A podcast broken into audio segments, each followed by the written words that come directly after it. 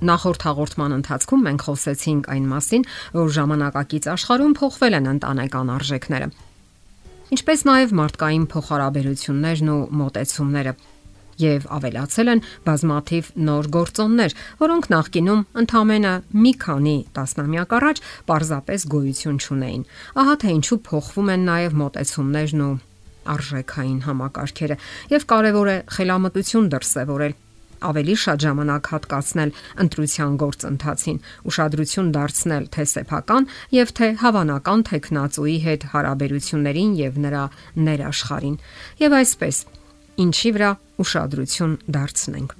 Հիշենք, որ ընտանիքը բազմագործառույթ բարդ օրգանիզմ է, որը ենթարկվում է գոյատևման օրենքների համակարգային զարգացման սկզբունքներին։ Ծնվում են երեխաներ, հիվանդանում են ընտանիքի անդամները Հաճախ հոգում ենք ծերերի կարիքները, անցնում ենք ճգնաժամերի միջով, երբեմն էլ թյուրըմբռնումներ եւ հարաբերությունների վատ թարացում։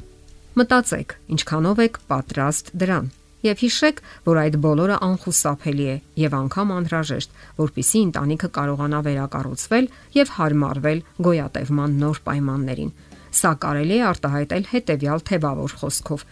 նա ով նախազգուշացված է, նա զինված է եւ ավելի նախապատրաստված բարդ ժամանակաշրջաններին։ Ժամանակակից ընտանիքների անբաժան մասն են վեճերը։ Վեճերից պետք չէ վախենալ։ Վեճ չի նշանակում այնպիսի վիճաբանություն, երբ ողջ շրջապատը կամ հարևանները կամ տան անդամները լսում են ձեր ձայները։ Վեճը դա հարաբերությունները ավելի բարձր մակարդակի հասցնելու հնարավորությունն է Վեճը ցույց է տալիս, որ ձեր եւ դիմացինի պահանջմունքներն ու արժեքները ինչ որտեղ չեն համընկնում։ Իսկ երբ դուք լռում եք կամ շրջանցում սուրանկյունները, դա ոչ մի արդյունք չի տալիս։ Այդ դեպքում ընդհանրապես բացասական հույզեր են կուտակվում եւ դուք հեռանում եք միմյանցից։ Իսկ հակասությունները, ինչպես կային, այնպես էլ մնում են։ Իսկ երբ վեր եք հանում հակասության բուն էությունը, որոնում եք այն լուծելու ուղիները,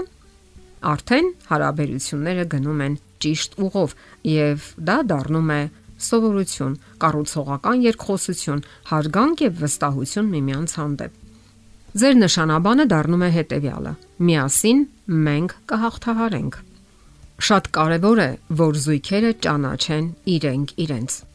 Սա նույնքան կարևոր է, որքան դիմացինին ճանաչելը։ Սովորեք ճանաչել, հասկանալ ձեր զգացմունքները, արարքների եւ գործողությունների դրթապաճառները։ Երբ դուք գիտակցում եք ձեր կերպն ու էությունը, դա օգնում է, որ ավելի լավ հասկանաք դիմացինին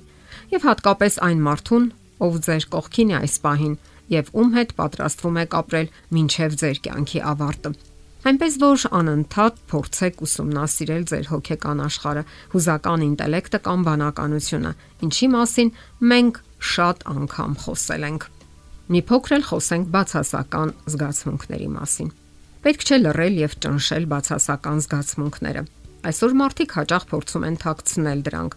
Բարկություն, վիրավորանք, մտածելով, որ չվատթարացնեն հարաբերությունները։ Սակայն արդյոք դա բարելավում է հարաբերությունները։ Պարզվում է, որ ոչ։ Չարությունը եւ նյարդայնությունը իրենց մեջ բացասական լիցքեր են պարունակում, որոնք հարկավոր է լիցքաթափել կառուցողական երկխոսության միջոցով։ Իսկ կուտակվելու դեպքում դրանք նմանվում են երրացող կաթսայի, որի մեջ ուժգին գոլորշիները մի պահի հետ են շպրտում կափարիչը։ Ահա թե ինչու պետք չէ դրանք կուտակել, ինչը կհանգեցնի ագրեսիայի։ Պետք է զրուցել, ասել, թե ինչն է ձեր վիրավորվելու պատճառը ինչը չի համապատասխանում ձեր արժեքներին եւ այլն։ Պարզապես այդ բոլորը պետք է անել հանդուրժող, խաղաղ եւ կառուցողական եղանակով։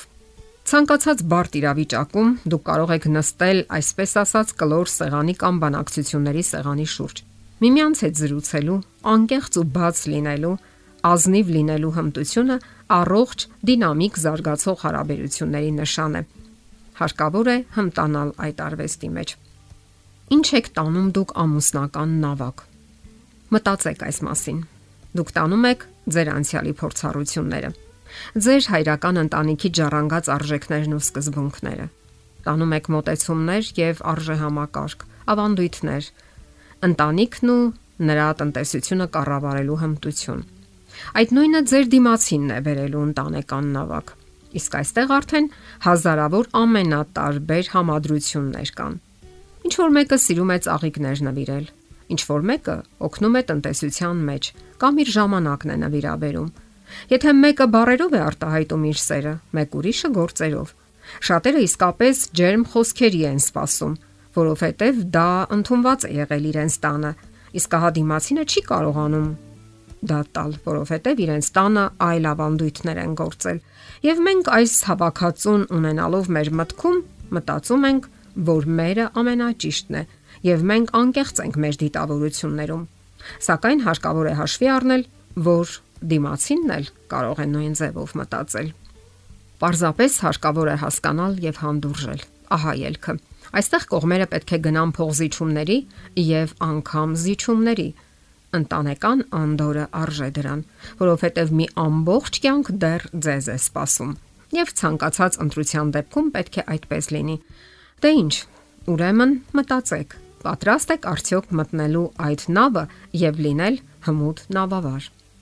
Եթերում ճանապար երկուսով հաղորդաշարներ։ Ձեզ հետ է Գեղեցիկ Մարտիրոսյանը։ Հարցերի եւ առաջարկությունների դեպքում զանգահարեք 094 08 2093 հեռախոսահամարով։ Հետևեք մեզ hopmedia.am հասցեով։